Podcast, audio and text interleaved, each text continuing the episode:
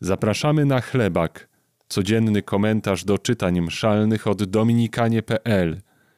Dzisiaj usłyszysz Mateusza Palucha z Krakowa i Pawła Kusia z Warszawy.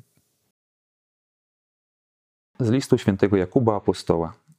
Błogosławiony mąż, który oprze się pokusie, gdy zostanie poddany próbie, otrzyma wieniec życia obiecany przez Pana tym, którzy go miłują. Kto doznaje pokusy, niech nie mówi Bóg mnie kusi. Bóg bowiem ani nie podlega pokusie do zła, ani też nikogo nie kusi. To własna porządliwość wystawia każdego na pokusę i nęci. Następnie porządliwość, gdy pocznie, rodzi grzech, a skoro grzech dojrzeje, przynosi śmierć. Nie dajcie się zwodzić, bracia moi umiłowani. Każde dobro, jakie otrzymujemy i wszelki dar doskonały stępują z góry od Ojca Świateł, u którego nie ma przemiany ani cienia zmienności. Ze swej woli zrodził nas przez słowo prawdy, byśmy byli jakby pierwocinami Jego stworzeń.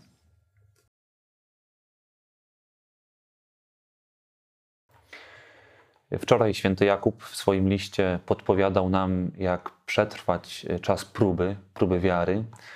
Dzisiaj kontynuujemy jego list. Święty Jakub pisze: Błogosławiony mąż, który wytrwa w pokusie. Daje nam kolejną lekcję, jak sobie radzić z pokusą. A to chyba już znak, że zbliżamy się do Wielkiego Postu, niebawem Wielki Post. Dzisiaj o pokusie. Dzisiaj też w naszym zakonie, w liturgii, wspominamy błogosławionego Jordana z Saksonii. To jest bardzo ważny dla nas brat, dominikanin, który znał się przyjaźnią z świętym Dominikiem i po świętym Dominiku przejął przywództwo naszej wspólnoty, był drugim generałem. Miał ogromną łaskę słowa, ogromną moc przekonywania, bardzo dużo głosił i sprawił, że nasz zakon też rozrósł się liczebnie. Bardzo wielu braci podczas jego kadencji wstępowało do zakonu. Ale oprócz ogromnego charyzmatu głoszenia, błogosławiony Jordan też miał piękne pióro i pięknie pisał i zapisał wiele listów. Przyjaźnił się też z Dianą, z błogosławioną Dianą Dominikanką, przełożoną klasztoru sióstr Dominikanek w Bolonii. I na szczęście zachowało się bardzo wiele listów, bardzo intymnych, też takich pięknych, opowiadających o życiu duchowym, listów między Jordanem i Dianą. I w jednym z tych listów Jordan pisze o pokusie, do której dzisiaj nawiązuje święty Jakub, więc chciałbym dzisiaj w ramach komentarza tego słowa oddać głos błogosławionemu Jordanowi, żeby on nauczył nas, jak zmagać się z pokusą. W jednym z listów Jordan pisze tak do Diany i też do wszystkich sióstr, które z nią mieszkają. Kiedy przychodzą na Was jakieś wyjątkowo silne pokusy, nie bójcie się. Pan wszelkich wojen będzie po Waszej stronie. Któryż z walecznych wodzów, wiedząc, że jego służki lub siostry, jesteśmy na początku XIII wieku, więc ten język może być nieco archaiczny, więc któryż z wielkich wodzów, wiedząc, że jego służki lub siostry, słabe kobiety, walczą przeciwko srogiemu wrogowi, nie przybędzie natychmiast, aby wspomagane przez niego wytrwały na polu bitwy.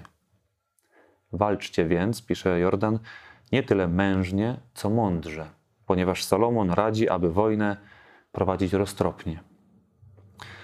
Walka ta będzie mądra, jeśli wasze ciała będziecie ujarzmiać stopniowo, nie śpiesząc się. Mówiąc wprost, pisze, dojdziecie do prawdziwego spełnienia, nie fruwając, lecz raczej wspinając się stopień po stopniu na szczeblach doskonałości.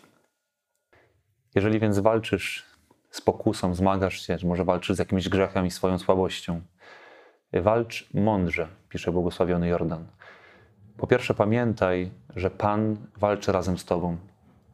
Nie wiem, czy usłyszeliście to, ale kiedy ten wódz waleczny przychodzi z pomocą, tym służką i służebnicą, on y, pomaga im wytrwać na polu walki. On nie przynosi zwycięstwa od razu. On pomaga im wytrwać na polu walki. Więc pamiętaj, że Pan y, jest z Tobą w pokusie, On walczy razem z Tobą.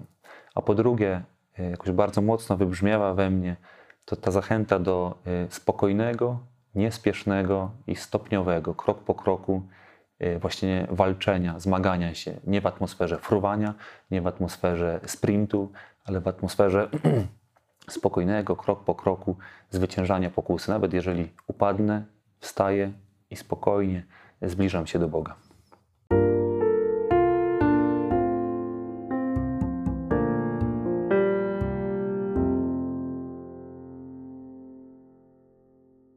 Z Ewangelii według świętego Marka.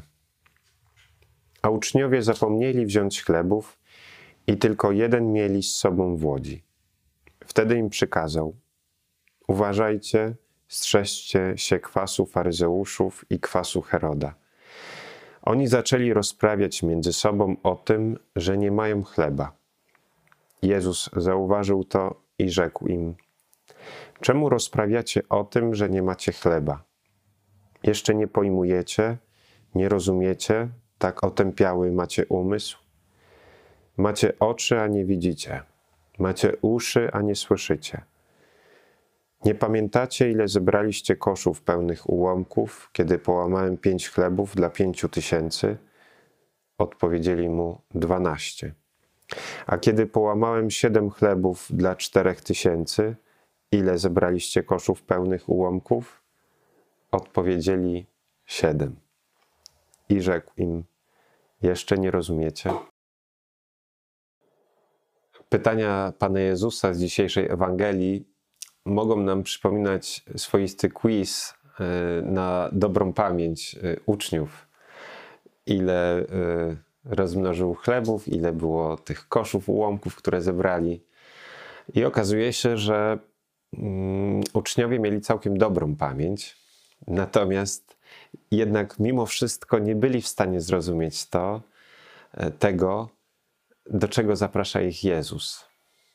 Bo oto y, spotkali faryzeuszy chwilę wcześniej i y, Pan Jezus mówi do nich, żeby się strzegli tego kwasu faryzeuszów i Heroda. Ale ten kwas to jest ten zaczyn, czyli taka mała jakby rzecz, która może wpłynąć również na ich myślenie, na to, kim są, kim się stają.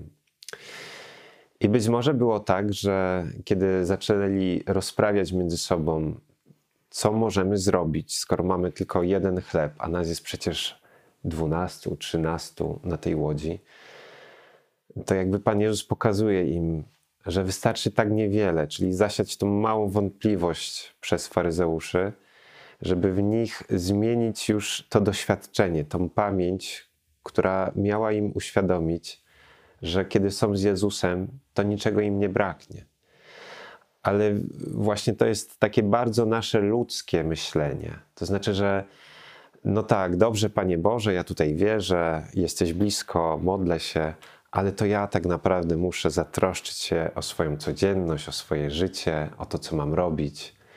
Czyli z jednej strony, jakby mówimy Panu Bogu, tak, całe życie oddaję Tobie, wierzę, że to Ty kierujesz moim życiem, ale jednocześnie to ja wiem, że to ja muszę o wszystko tutaj zadbać, zatroszczyć się.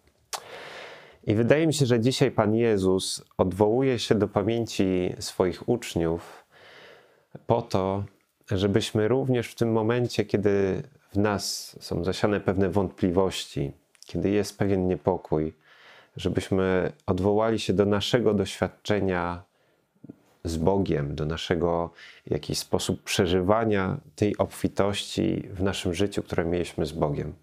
Mam nadzieję, że każdy z nas ma takie momenty, do których może powrócić i w których sobie przypomni, że Bóg rzeczywiście o nas się zatroszczył, że Bóg rzeczywiście nie zostawił mnie samego w bardzo trudnej sytuacji, w której się znalazłem. I dzisiaj te pytania są po to, żebyśmy my również w momencie, kiedy stoimy w takim w takim miejscu e, trochę wątpliwości, rozpaczy, pewnego zniechęcenia, żebyśmy odwołali się pamięcią do tego miejsca, w którym doświadczyliśmy obfitości, w którym doświadczyliśmy e, tego, że Bóg nas nie opuścił. Bo taki jest właśnie Bóg. Taki jest ten, który przyszedł do nas, że On chce nam dać pełnię i On się troszczy o każdą małą sprawę. Dzisiaj miejmy tą ufność i tą pamięć o Jego obecności w naszym życiu. Bez hojności naszych patronów nie byłoby tego odcinka. Dziękujemy.